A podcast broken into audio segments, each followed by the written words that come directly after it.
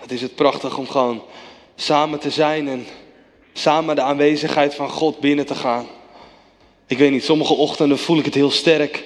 Andere ochtenden heb ik het gevoel dat we ergens doorheen moeten breken en voel ik er niks van. Maar God zegt daar waar twee of drie in mijn naam samen zijn, ik zal in het midden zijn. Jezus is hier. Dus als je rond zou kijken, Jezus is hier. Misschien zie je het niet met je fysieke ogen, maar kijk met je geestelijke ogen, Jezus is hier.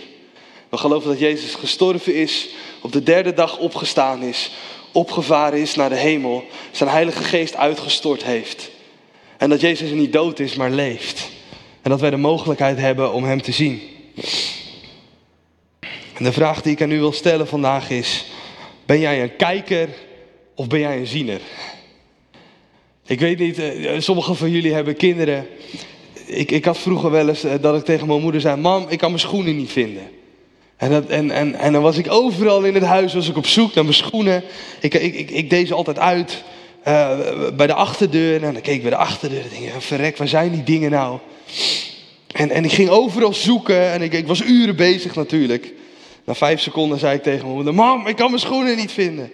Nou, en dan kwam mijn moeder eraan en dan zegt ze, Mars, kijkt wel, maar je ziet niet. Hier, ze liggen voor je neus. Precies waar je ze uitgedaan hebt. Oh ja, inderdaad, ja, dat had ik nog niet gezien. Ik had wel gekeken, maar ik had het niet gezien. Kijken en zien zijn twee heel verschillende dingen. Kijken, waar zei ik net kijken, hier of hier? Ik probeer het altijd, hier zei ik kijken. Ja. Oké, dus hier hebben we kijken, hier hebben we zien. Ja. Kijken is het waarnemen van iets en zien is weten wat er wordt waargenomen. Zal ik nog een keer zeggen, kijken is het waarnemen van iets en zien is weten wat er wordt waargenomen. Ben jij, bent u een kijker of bent u een ziener? Heb je wel eens naar God gekeken of heb je Hem gezien? Heb je wel eens iets van God waargenomen? Of heb je Jezus recht in zijn gezicht gezien? En heb je de, zijn ogen van majesteit, zijn, zijn heerlijkheid, de liefde in zijn ogen gezien in jouw leven? Mensen hebben soms best wel iets waargenomen van Jezus. Maar iets waarnemen van Hem en Hem zien zijn twee wezenlijk verschillende dingen. Johannes 14, vers 9 zegt: Wie mij heeft gezien, dit is wat Jezus zegt, heeft de Vader gezien. Als jij ernaar verlangt om God te zien, om Hem te leren kennen, is het belangrijk dat je gaat kijken naar Jezus. De kern van ons geloof is Jezus. Als je Jezus hebt gezien, heb je de Vader gezien. Als je Jezus hebt gezien, heb je God gezien, de schepper van hemel en aarde. Het begin en het einde, de grote ik ben. Degene die jou geschapen heeft, geformeerd heeft in de baarmoeder van jouw moeder. Als je Jezus hebt gezien, heb je de Vader gezien. In Hebreeën 9 gaat het over, over het heiligdom, over de tempel. En daar staat dit, dit. Nu had ik ook eerst het, nu had ik ook het eerste verbond, verordeningen voor de eredienst en het aardse heiligdom. Er was immers een tabernakel ingericht. En in het eerste gedeelte daarvan was de kandelaar en de tafel met toonbroden. Dat werd het heilige genoemd. Maar achter het tweede voorhangsel was het gedeelte wat de tabernakel, van de tabernakel dat het heilige der heiligen genoemd werd. Met een gouden wierookvat en de ark van het verbond, die geheel met goud overtrokken was. In deze ark lagen de gouden kruik met het manna. Dat is eigenlijk wel bijzonder. Hè? Dus in het heilige der heiligen, daar lag dus een gouden kruik met het manna. Wat ze in de woestijn gegeten hadden. En de staf van Aaron, die gebloeid had. En de stenen tafelen van het verbond. En bovenop deze ark waren de gerubs van Gods heerlijkheid, die het verzoendeksel overschaduwden. Over deze dingen zullen wij nu niet stuk voor stuk spreken. Dat zeg ik niet, dat zegt Hebreeën 9 vers 5. Dit alles was nu zo ingericht. In het eerste deel van de tabernakel gingen de priesters voortdurend binnen om de diensten te volbrengen. In het tweede deel, echter, ging alleen de hoge priester eenmaal per jaar naar bidden. Niet zonder bloed dat hij voor zichzelf offerde en voor de afdwalingen van het volk. Daarmee maakte de Heilige Geest dit duidelijk: dat de weg naar het heiligdom nog niet openbaar gemaakt was. Zolang de eerste tabernakel nog in gebruik was. En dan gaan we verder eigenlijk naar vers 11.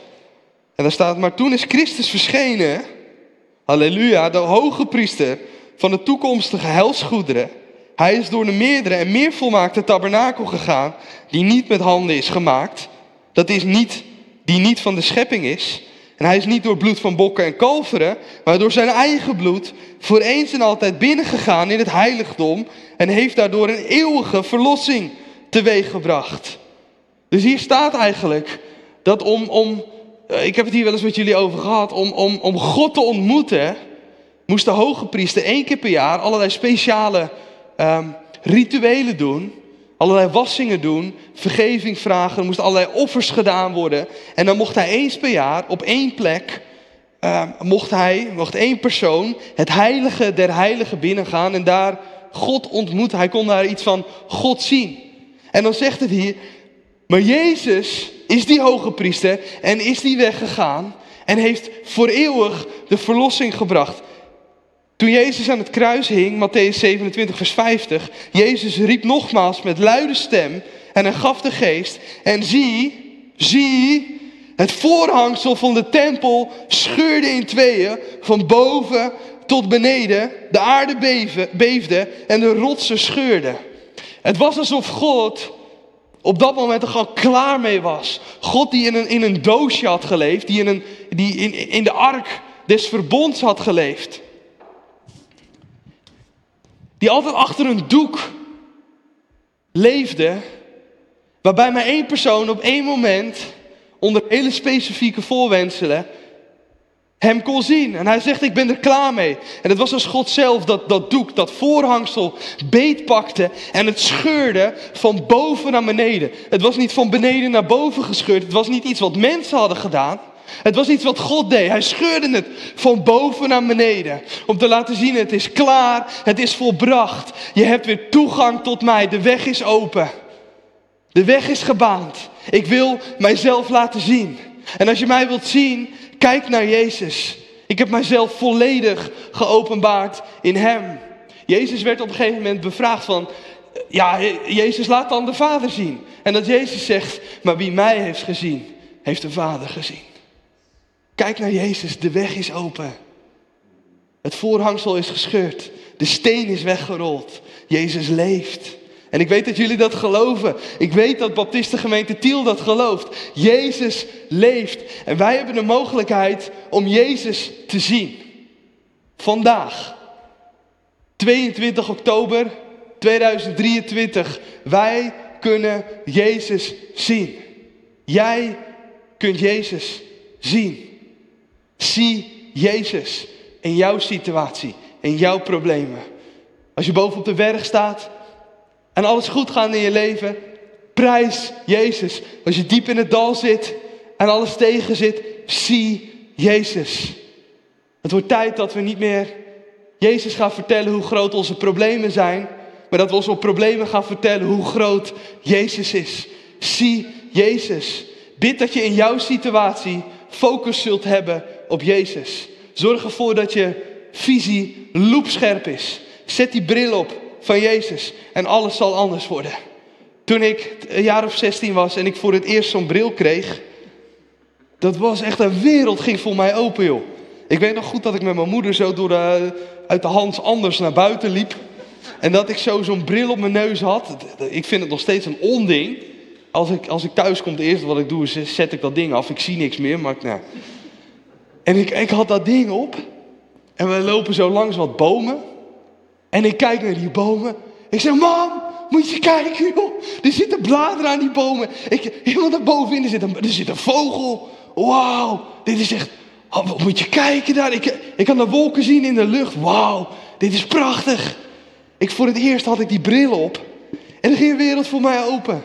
He, voor mensen die geen bril hebben, je hebt geen idee waar ik het over heb, maar het is echt een wonder, jongen. Maar zo is het ook als je tot geloof komt, als je wedergeboren wordt. Weet je, de wereld was niet veranderd toen ik een bril opzette. Maar hoe ik de wereld zag, dat was een wezenlijk verschil. Het was een verschil van dag en nacht. Het was een, een, een, een, een gigantisch groot verschil. Als jij de bril van Jezus opzet, maakt dat een wezenlijk verschil van dag en nacht in jouw leven. De wereld is nog hetzelfde. Maar je ziet Jezus, je ziet de koningen, koning der koningen, de Heer der scharen, degene die tot zonde geworden is, zodat wij rechtvaardigheid van God genoemd zouden worden. Degene die jou wil genezen, die jou wil herstellen, die jou wil bemoedigen, die jou wil bekrachtigen. Die jouw kracht wil zijn als je dwars door een dal van diepe duisternis gaat en je geen kwaad hoeft te vrezen, want Jezus is met je. Weet je, je gaat nog steeds dwars door het dal heen, maar Jezus is met je. Man, het is een verschil van dag en nacht. En vandaag zet die bril op in de naam van Jezus. Misschien ben je voor het eerst in de kerk. Misschien ben je voor het eerst in een lange tijd weer in een kerk. Misschien ben je ontmoedigd geraakt. Misschien zie je het leven niet meer zitten. Zet die bril op. En ik spreek leven over je uit in de naam van Jezus. Het is alsof je van een kleurloos bestaan naar een, een, een, een kleurrijk bestaan gaat. Alsof je van zwart naar wit van een zwart-wit televisie naar een kleurentelevisie gaat. Man, het is, het is nog steeds een televisie, maar het is zo mooi. Jezus is zo mooi. Maar het vergt van jou een keuze. Het vergt van jou een stap. In het koninkrijk van God, autofocus bestaat niet. Ik ben blij dat er autofocus op mijn telefoon zit. Dat als ik een fotootje maak, dan kan ik zo op mijn schermpje tikken en dan kan ik zo iemand zo, hop, autofocus in beeld brengen. Maar om focus te hebben op Jezus moet je je bekeren. In openbaring 1 um, ehm, zit Johannes op Patmos, hij is gevangen genomen. En dan, en dan wordt er tegen hem gesproken. We wandelen een beetje door de Bijbel heen vandaag. En dan zegt hij, ik was in de geest op de dag des Heren en ik hoorde achter mij een luide stem als van een bazuin. Kun je dat voorstellen? Een stem als van een bazuin. Alsof de trompetten konden spreken. Hij hoorde de stem, een luide stem als van een bazuin.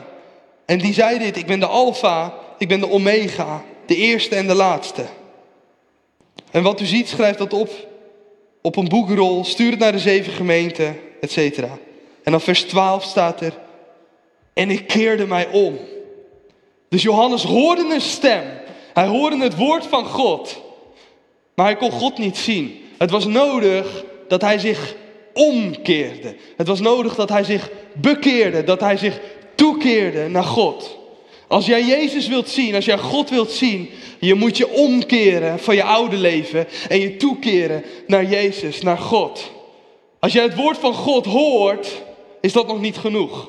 Je moet een keuze maken om je oude leven af te leggen, om niet meer te zondigen. Om je zonde aan Jezus te geven, om vergeving te vragen en je om te keren naar Hem en je zult Hem zien. En Johannes die keerde zich om en toen hij zich omgekeerd had, zag hij zeven gouden kandelaren. En te midden van die zeven kandelaren zag hij iemand die op de zoon des mensen leek. Hij keerde zich om en hij zag de zoon des mensen. Gekleed in een gewaad tot op de voeten en op de borst omgord met een gouden gordel. En zijn hoofd en haar waren als wit, witte wol en sneeuw. En zijn ogen waren als een vuurvlam. Hij zag Jezus. Wil jij Jezus zien vandaag? Amen. Wil jij Jezus zien vandaag? Keer je om. Keer je om naar Hem. Keer je af van jezelf. En keer je om naar Hem. Tegenwoordig, deze wereld, we zijn zo gericht op ik. We zijn zo gericht op onszelf. Alles gaat om ons, om mijn geluk, om mijn voorspoed, om mijn vrede, dat ik het goed heb, dat ik de juiste baan heb, dat het er allemaal leuk uitziet voor de buitenwereld, het gaat alleen om mij. Het is een afgod. Bekeer je, keer je om keer naar Jezus. Deze tekst mag je even opzoeken als je wilt. Dat is Lucas 24 vanaf vers 13. En dat gaat over de Emmausgangers. Oh, ik had nog opgeschreven ook deze, deze tekst. 2 Kronieken 30 vers 9. De Heere, uw God, is immers genade en barmhartig. En zal het aangezicht niet van u afwenden als u zich tot hem bekeert. Weet je, de belofte is dat als jij je omkeert naar Hem, dan is Hij genadig en barmhartig. Hij wijst jou niet af. Wat jij ook gedaan hebt. Al zou je hier zitten en een moordenaar zijn. Als jij je omkeert naar Jezus. Jezus is genadig en barmhartig. Hij zal je ontvangen. Hij wil met jou aan tafel zitten. We gaan straks het avondmaal met elkaar vieren. Hij wil met jou aan tafel zitten. Hij wil jouw zonde vergeven, wat het ook is. Er is niets. Er is niets wat Jezus niet kan vergeven. Er is niets wat jij gedaan hebt wat Hij niet kan vergeven. Het bloed van Jezus is sterker dan jouw zonde. Wat het ook is. Hoe lang je het ook al doet. Hoe heftig het ook is. Oh, en de gevolgen zijn er. Als ik iemand vermoord, dan heeft iemand daar hele duidelijke consequenties van.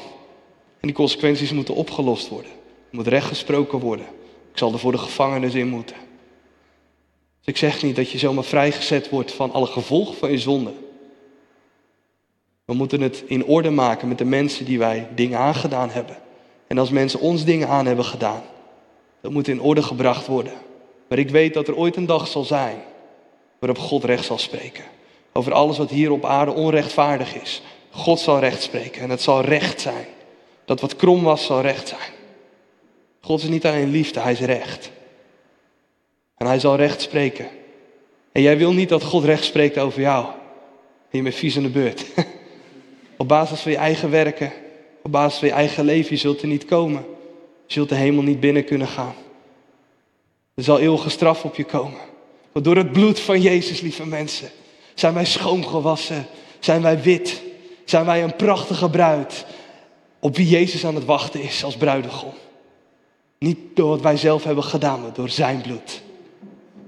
Lucas 24. Is het oké als we iets langer zijn vandaag? Is het oké voor de kinderwerkers ook? Oké, oké. Komt goed. Lucas 24 vanaf vers 13.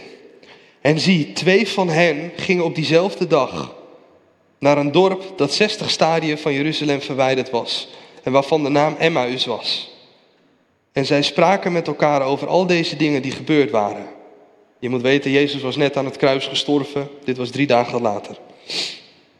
En het gebeurde dat terwijl zij met elkaar spraken en van gedachten wisselden, dat Jezus zelf bij hen kwam en met hen meeliep. Halleluja.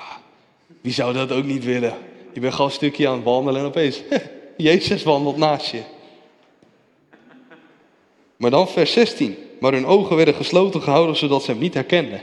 Ja, dat is balen. Loopt Jezus naast je, zie je hem niet. Heb je geen flauw idee. En Jezus zei tegen hen, wat zijn het voor gesprekken die u al lopend met elkaar voert? En waarom ziet u er zo bedroefd uit? Ja, die gasten die waren natuurlijk hartstikke verdrietig, want ze dachten, ja, Jezus is koning.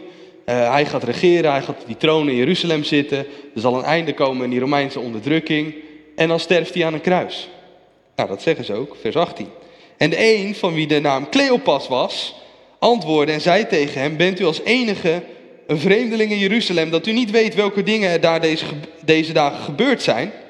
En Jezus zei tegen hem: Welke dan? Alsof hij het niet wist. En ze zei tegen hem: De dingen met betrekking tot Jezus de Nazarener, die een profeet was, machtig in werken en woorden voor God en heel het volk.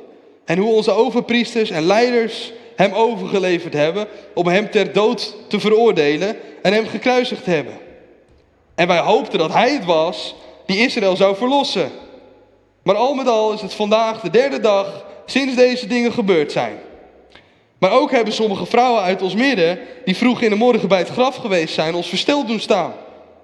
En toen zij zijn lichaam niet vonden, kwamen ze zeggen dat ze zelfs een verschijning van engelen gezien hadden, die zeiden dat hij leeft. Maar ja, dat kan niet natuurlijk.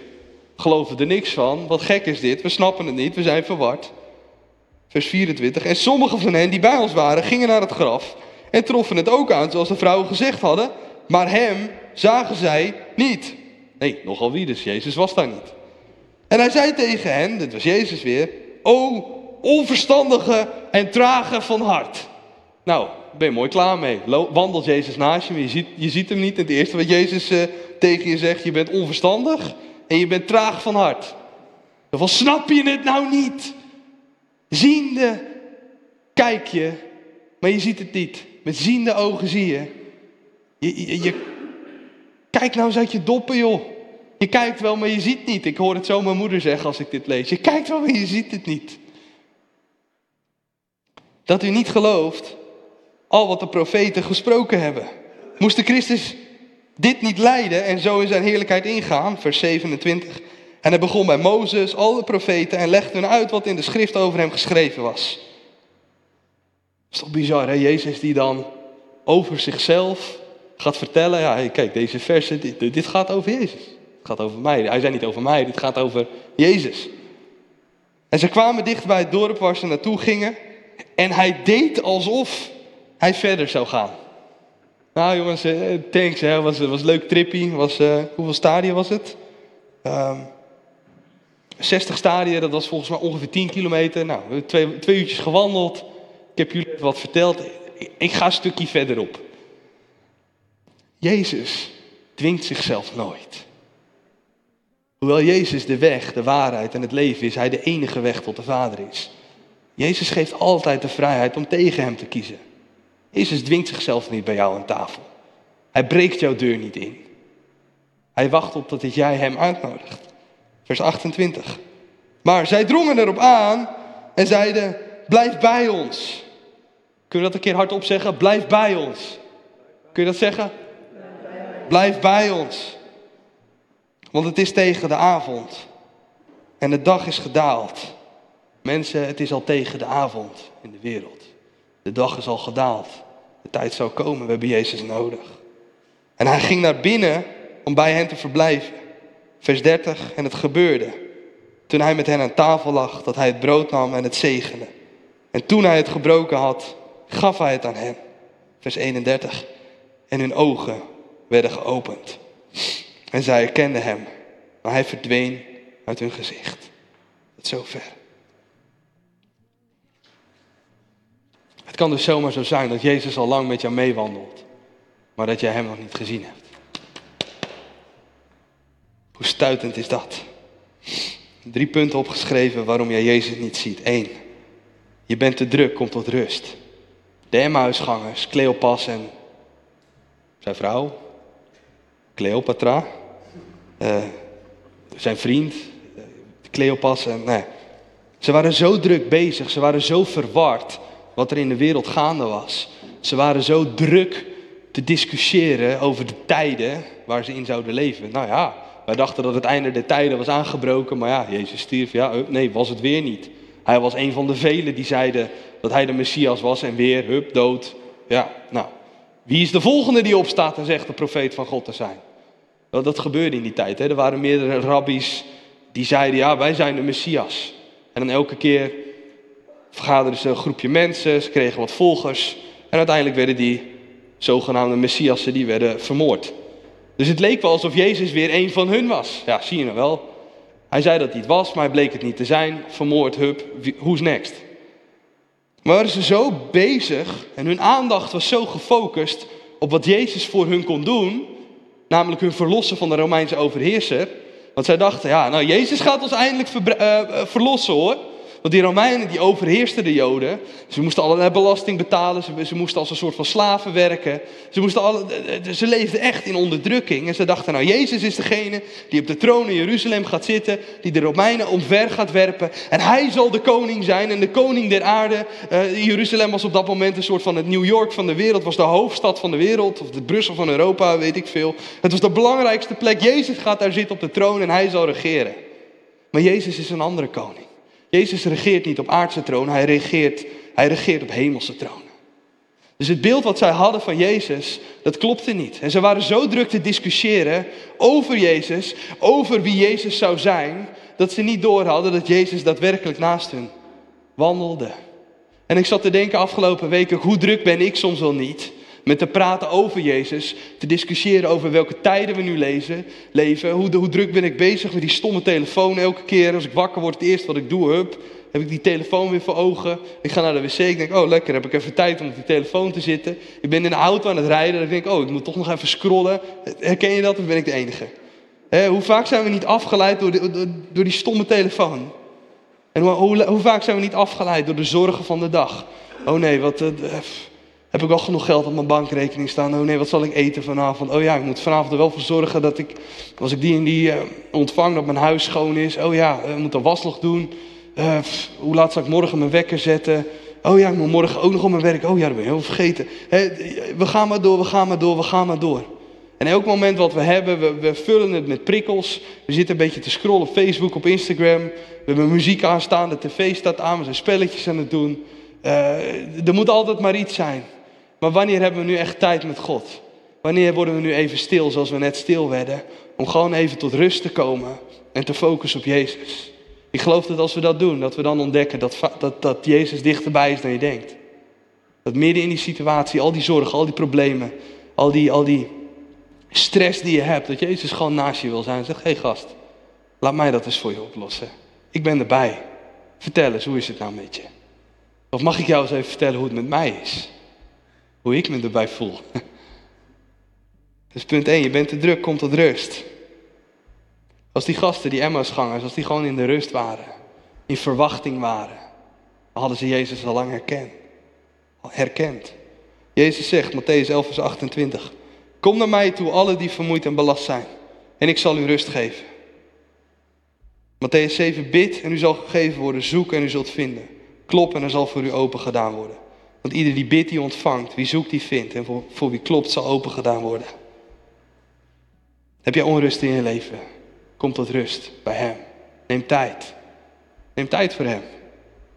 Wat is de laatste keer dat u tijd met Jezus hebt gehad? Nou, dan bedoel ik niet even gewoon het vers van de dag openklikken op je telefoon. Oh, mooi, ja, dank u Heer.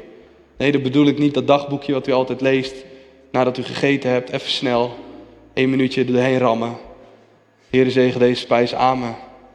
Ik bedoel, wanneer, wanneer bent u echt met Jezus geweest? Wanneer hebt u niet alleen naar hem gekeken, maar hebt u hem gezien? Hoeveel tijd investeren wij om gewoon bij hem te zijn? Om Gods woord te lezen? Heel vaak roepen we het uit, ik, ik, ik, ik, ik met u ook. Heer, ik wil uw stem verstaan. Heer, wilt u spreken? Wilt u een woord van richting voor mijn leven geven? Dan zit ik aan mijn bureau. Heer, wat moet ik doen? En dan ligt mijn Bijbeltje op de hoek. En zegt Jezus, ja, hey, je wil dat ik spreek toch? Doe dat ding open. Als je geen honger hebt naar mijn woord, hoe kan ik dan tot jou spreken? Oh ja, we verlangen allemaal naar profetische woorden.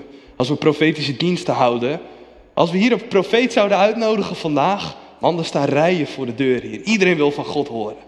Maar en ik, we zitten, Chris mijn maatje, die is mee vandaag. We zitten in dezelfde kerk. Als wij gebedsdiensten hebben, oh, er komt best wat mensen op af hoor, door de week. Is leuk, is goed, is gaaf is belangrijk om te bidden. Maar als wij een profetische dienst hebben, man, we moeten ticketverkoop van tevoren doen. We hebben gewoon geen plek genoeg. Iedereen wil een woord van de profeet ontvangen. En ik ook. Als ik dan al zit in die zaal, dan denk ik, oh hey, pik mij eruit hier. Moet ik nog een vlaggetje doen of zo? Joehoe. Spreek dat bij. Maar God zegt, lees, lees mijn woord. Ik wil mijzelf openbaren door mijn woord. Jezus is het vlees geworden woord. Als je verlangt naar een woord van God, lees je Bijbel. Neem tijd met hem. Dus een reden waarom je soms God niet ziet. Je bent te druk, te druk. Kom tot rust. Wees gewoon met hem.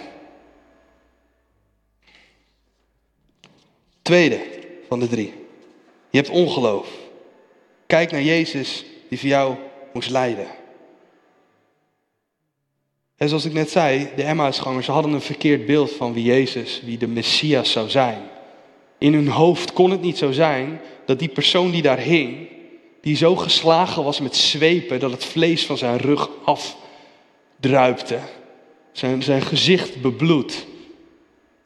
Zij, hij, hij was als een mens niet meer herkenbaar. Zo erg was hij gemarteld. Er was een kroon met doornen op zijn hoofd gedrukt. Hij droeg een kruis op zijn rug. Dat is eigenlijk een beeld van wat zonde met je doet. Hè? Je bent als mens onherkenbaar geworden door zonde. Je bent geschapen in het evenbeeld van God. Maar door zonde ben je onherkenbaar geworden. En Jezus aan het kruis is tot zonde geworden. En hij is onherkenbaar geworden als mens. Maar zij hadden niet door dat Jezus de Messias was, omdat zij andere verwachtingen hadden. Maar ook omdat ze het woord van God niet kenden. En Jezus wandelt met ze mee en hij zegt, onverstandig en trage van hart, dat u niet gelooft wat de profeten gesproken hebben. moest de Christus dit niet leiden en zo in zijn heerlijkheid ingaan. Ze hadden dus ongeloof in wat de profeten, het Oude Testament, al voorspeld hadden. En Jezus opent de schriften, gewoon terwijl ze aan het wandelen zijn. En ik zat na te denken, welke geschriften zou Jezus geopend hebben? En toen dacht ik, misschien heeft hij wel Genesis 22 gelezen. Over het offer van Abraham. Abraham, God had gesproken tot Abraham. Dat, dat hij een kind zal krijgen en dat hij, dat hij meer nageslacht zal krijgen dan dat er sterren aan de hemelen waren. En het duurde maar en het duurde maar. Zijn vrouw was oud, hij was oud. En uiteindelijk een zoon werd geboren en dat was Isaac. En dan, en dan, en dan zegt God, oké, ik wil dat je hem offert. Ja, maar Heer, u heeft toch gesproken? Nee, ik wil dat je hem offert. Ik wil dat je op mij vertrouwt. Niet op de belofte die ik je gegeven heb. En hij gaat de berg Moria op om daar zijn enige geboren zoon te offeren. Kun je dat voorstellen dat je met je eigen kind op een woord van God de berg op gaat om hem te slachten? Om hem te slachten als een lam. Vreselijk moet Abraham zich gevoeld hebben. Of wat een vreselijk groot geloof moet hij gehad hebben in God. En dan gaat hij de berg op. En als zijn eigen zoon dan vraagt: Hé, maar pap, yo, we gaan offeren, doen we wel vaker. Waar is dat lam dan? We hebben toch altijd een lammetje bij ons, waarom hebben we geen lam mee? En dan zegt Abraham: God zelf zal zich voorzien van het lam voor het brandoffer, mijn zoon. En dan, en dan zegt Jezus, kijk dan, dit ging over mij. Ja, hij zegt niet over mij, dit ging over Jezus. Ze hadden niet door dat het Jezus was. Dit ging over Jezus. Want op het laatste moment, ehm, Isaac die ging de bergen op samen met Abraham. Hij had een bos takken, had hout op zijn rug. Moet je kijken, Jezus ook, hij had hout op zijn rug. Er werd een kruis op zijn rug geplaatst. Hij is die berg opgelopen. En Jezus zelf heeft voorzien van een lam wat, wat onschuldig, onbevlekt was en gestorven is voor iedereen. Moet je kijken, dit ging over Jezus, Genesis 22.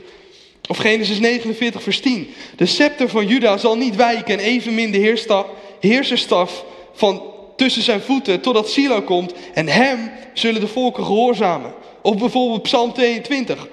Mijn God, mijn God, waarom hebt u mij verlaten? Bent u ver van mijn verlossing, van de woorden van mijn jammerklacht? Want honden hebben mij omsingeld. Een horde kwaaddoeners heeft mij omgeven.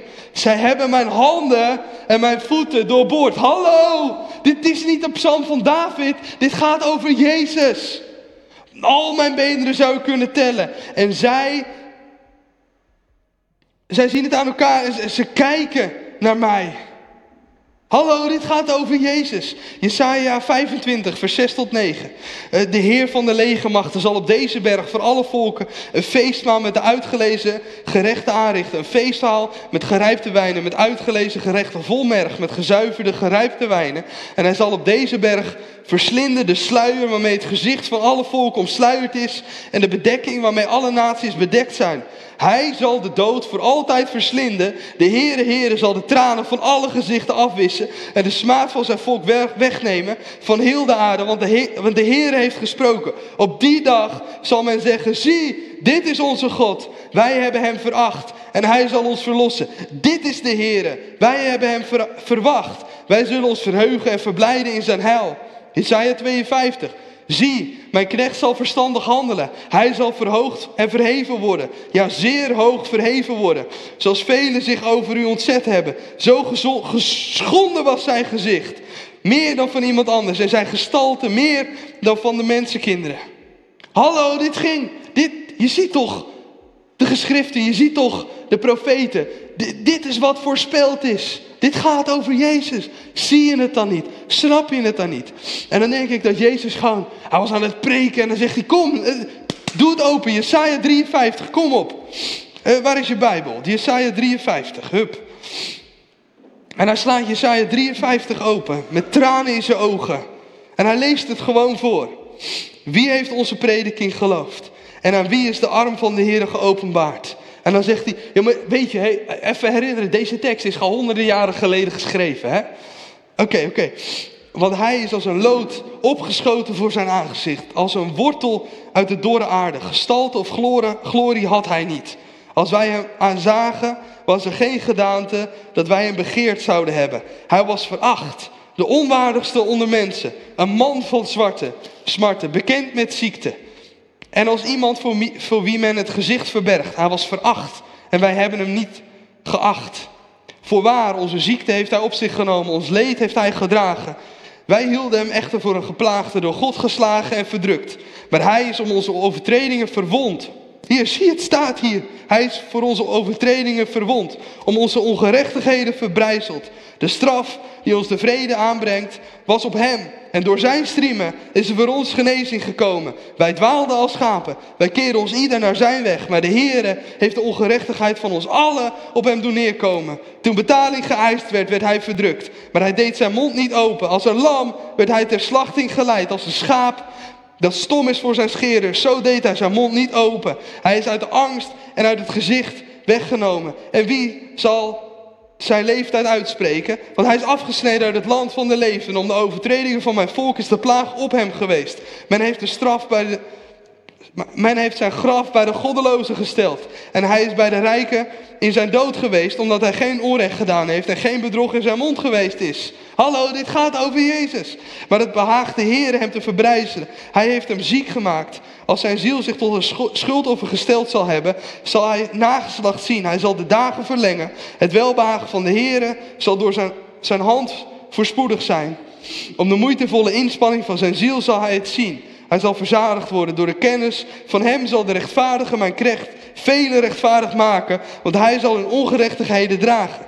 Daarom zal ik hem veel toedelen en machtige zal hij verdelen, zal hij verdelen als buit, omdat hij zijn ziel heeft uitgestort in de dood, onder de overtreders is gesteld omdat hij de zonde van velen gedragen heeft en voor de overtreders gebeden heeft. Hallo, snap je het nou niet? Dit gaat over Jezus. Jezus moest sterven. De koning die hij denkt, die hij zal zijn, ziet er anders uit dan die hij daadwerkelijk is. Jezus is degene. Hij is de Messias. Hij is degene waar de profeten over eh, voorspeld hebben. Waar de Bijbel, waar het Oude Testament over spreekt. Van Genesis tot aan het laatste boek van het tot aan Malachi, de geschriften spreken over Jezus. Hij opent de geschriften. Kijk dan, dit is honderden jaren geleden voorspeld. Kijk nou, doe je ogen open. Dit was Jezus. Dit was jouw verlosser. Dit was jouw Messias.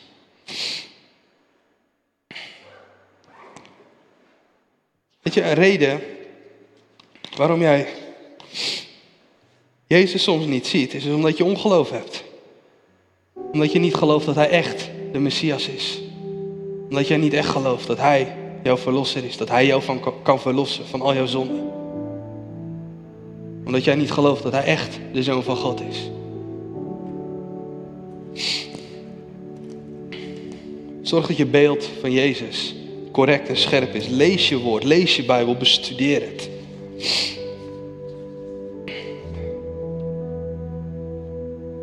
En vers 3.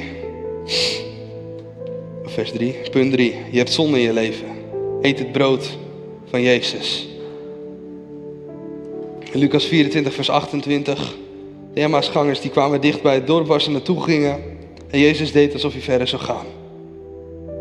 En zij drongen erbij op aan en zeiden: Blijf bij ons. Want het is tegen de avond en de dag is gedaald. En hij ging naar binnen om bij hen te blijven. En het gebeurde toen hij met hen aan tafel lag, dat hij het brood nam en het zegende. En toen hij het gebroken had, gaf hij het aan hen. En hun ogen werden geopend en zij herkenden hem. Op het moment, het moment waarop de ogen van de Emmausgangers geopend werden, was het moment dat ze Jezus uitnodigden om bij hen te verblijven. Jezus aanging liggen bij hun aan tafel. Hij brak het brood en hij sprak de zegen erover uit. En op dat moment vielen de schellen van hun ogen en ze zagen Jezus. Het breken van het brood en het nemen van de maaltijd met deze onbekende persoon opende hun ogen. En zorgde ervoor dat ze zagen dat het Jezus was die met hen was. Pas toen het brood uitgedeeld was, werden de ogen geopend.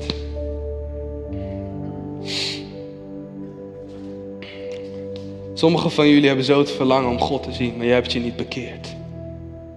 Bekeer je vandaag, we gaan met elkaar het avondmaal vieren. Jezus zegt over het brood zelf: Ik ben het brood des levens. Wie tot mij komt, zal beslist geen honger meer hebben. En wie in mij gelooft, zal nooit meer dorst hebben. Maar ik heb tegen u gezegd dat u mij wel gezien hebt en toch gelooft u niet. Alles wat de Vader mij geeft zal tot mij komen. En wie tot mij komt zal ik beslist niet uitwerpen. Wat een belofte. Want ik ben uit de hemel neergedaald. Niet opdat ik mijn wil zou doen, maar de wil van Hem die mij gezonden heeft. En dit is de wil van de Vader die mij gezonden heeft. Dat ik van alles wat Hij mij gegeven heeft, niets verloren laat gaan. Maar het op, doe opstaan, de laatste dag. En dit is de wil van Hem die mij gezonden heeft. Dat ieder die de Zoon ziet en in Hem gelooft, eeuwig leven heeft. En ik zal Hem doen laten opstaan op de laatste dag. En dit is de wil van Hem die Jezus gezonden heeft. Dat ieder die de Zoon ziet, in Hem gelooft en eeuwig leven heeft. Jezus wil jou het eeuwig leven geven. Jezus wil jouw buren, jouw vrienden, jouw familie, jouw kinderen, jouw ouders, jouw collega's het eeuwige leven geven. Het is een verschil van leven en dood of ik Jezus zie of niet.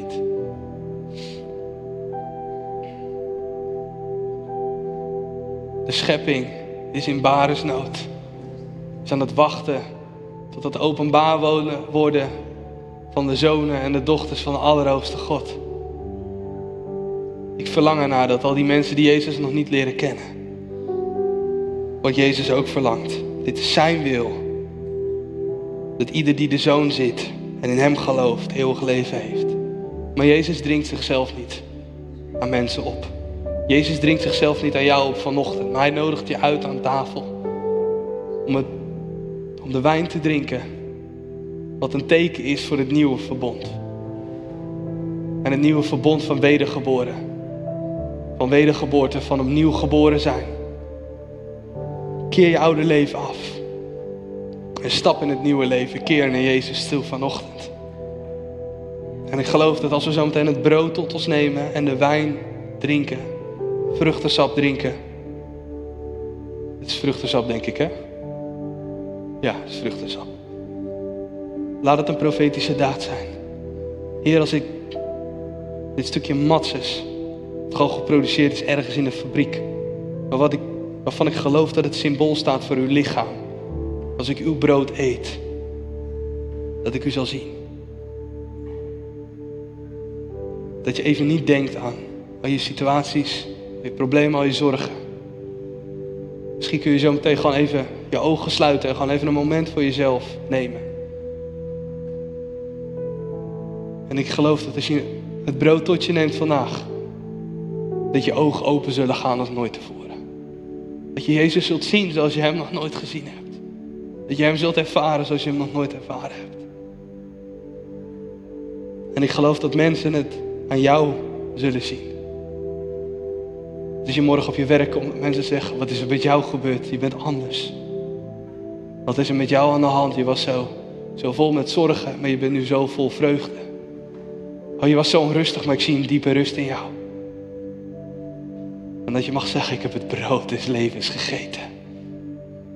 Ik zie Jezus.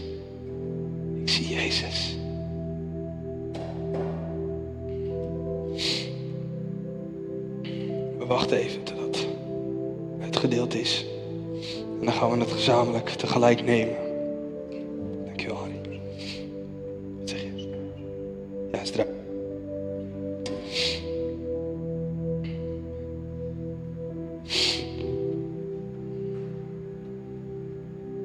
Want alle hebben gezondigd en missen de heerlijkheid van God.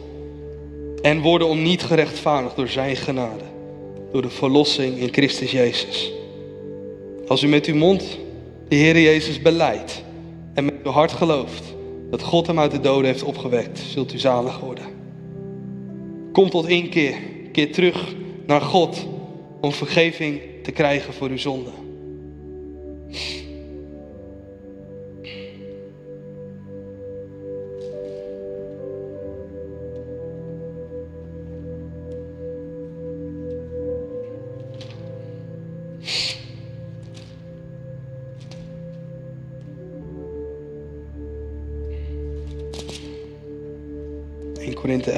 23. Want ik heb van de Heer ontvangen wat ik u ook heb overgeleverd. Dat de Heer Jezus in de nacht waarin hij werd verraden brood nam. En nadat hij gedankt had, brak hij het. En hij zei, neemt en eet. Dit is mijn lichaam dat voor u gebroken wordt. Doe dat tot mijn nagedachtenis. En evenzo nam hij ook de drinkbeker. Nadat het gebruik, na het gebruiken van de maaltijd. En hij zei, deze drinkbeker is het nieuwe verbond in mijn bloed. Doe dat zo dikwijls dat als u ervan drinkt, doe dit zo dikwijls als u die drinkt tot mijn gedachtenis. Want zo dikwijls als u dit brood eet en deze drinkbeker drinkt, verkondig de dood van de Heer totdat Hij komt. Neem je moment. Het brood. Voor het bloed. Het lichaam.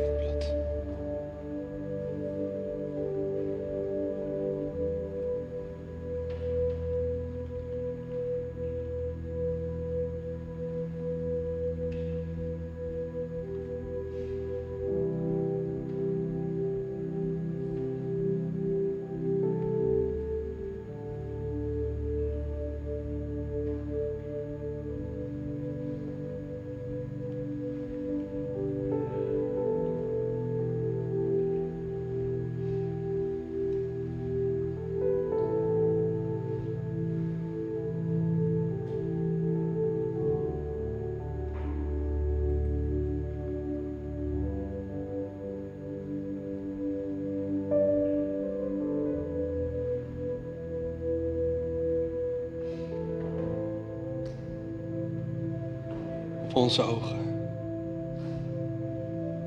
Opdat wij u zien zullen. Open onze ogen, Jezus.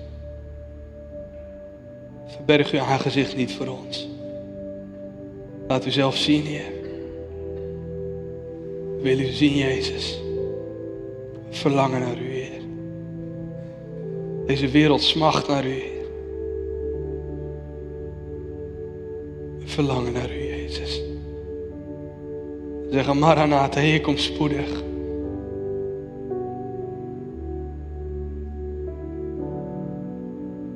Heer, we bidden voor, voor Tiel. Heer, we bidden dat de stad Tiel Jezus weer zal zien. Heer, we danken u voor al deze mensen die hier wonen. Heer, we bidden dat u, dat u hun ogen openen zult, zodat zij u zien zullen, Heer. Heer, het is uw verlangen dat iedereen gered zal zijn. Maar ze moeten zichzelf toekeren. Heer, we bidden dat ze hun ogen zullen openen. Dat ze verlangen zullen krijgen naar u. Heer, we danken u dat we hier in het centrum van Tiel mogen bidden voor deze stad. Dat u ons vergeven van onze zonden, Heer. Van de zonden die mensen in Tiel gedaan hebben. Voor alle geestelijke, spirituele gekkigheid die hier plaatsgevonden heeft. Wilt u ons daarvoor vergeven, Heer. We hebben afgodsbeelden van u gemaakt omdat we niet beter wisten. Maar wel beter hadden moeten weten. We hebben gouden kalveren gemaakt en we zijn ervoor gaan knielen. Heer, wilt u ons vergeven? Heer, we breken de banden van duisternis over Tiel in de naam van Jezus.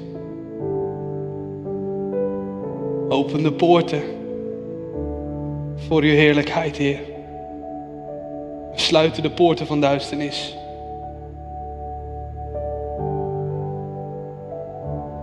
Alles wat Jomanda hier heeft, heeft gedaan, Heer.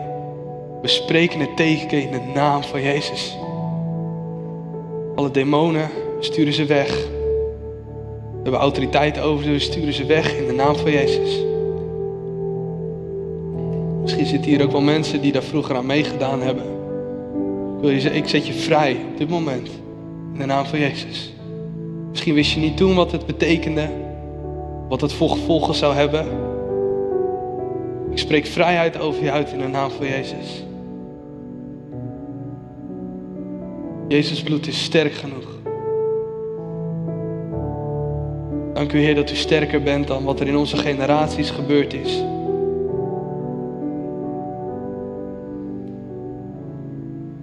In de naam van Jezus, we spreken geloof uit over deze stad.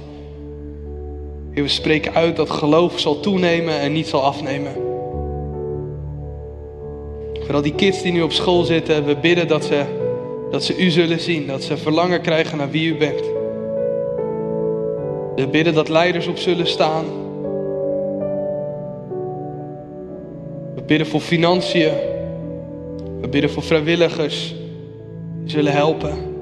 We bidden voor evangelisten die getraind zullen worden, die op zullen staan, die een hart zullen hebben om verlorenen terug bij u te roepen. Dank u Jezus, voor u is niets onmogelijk.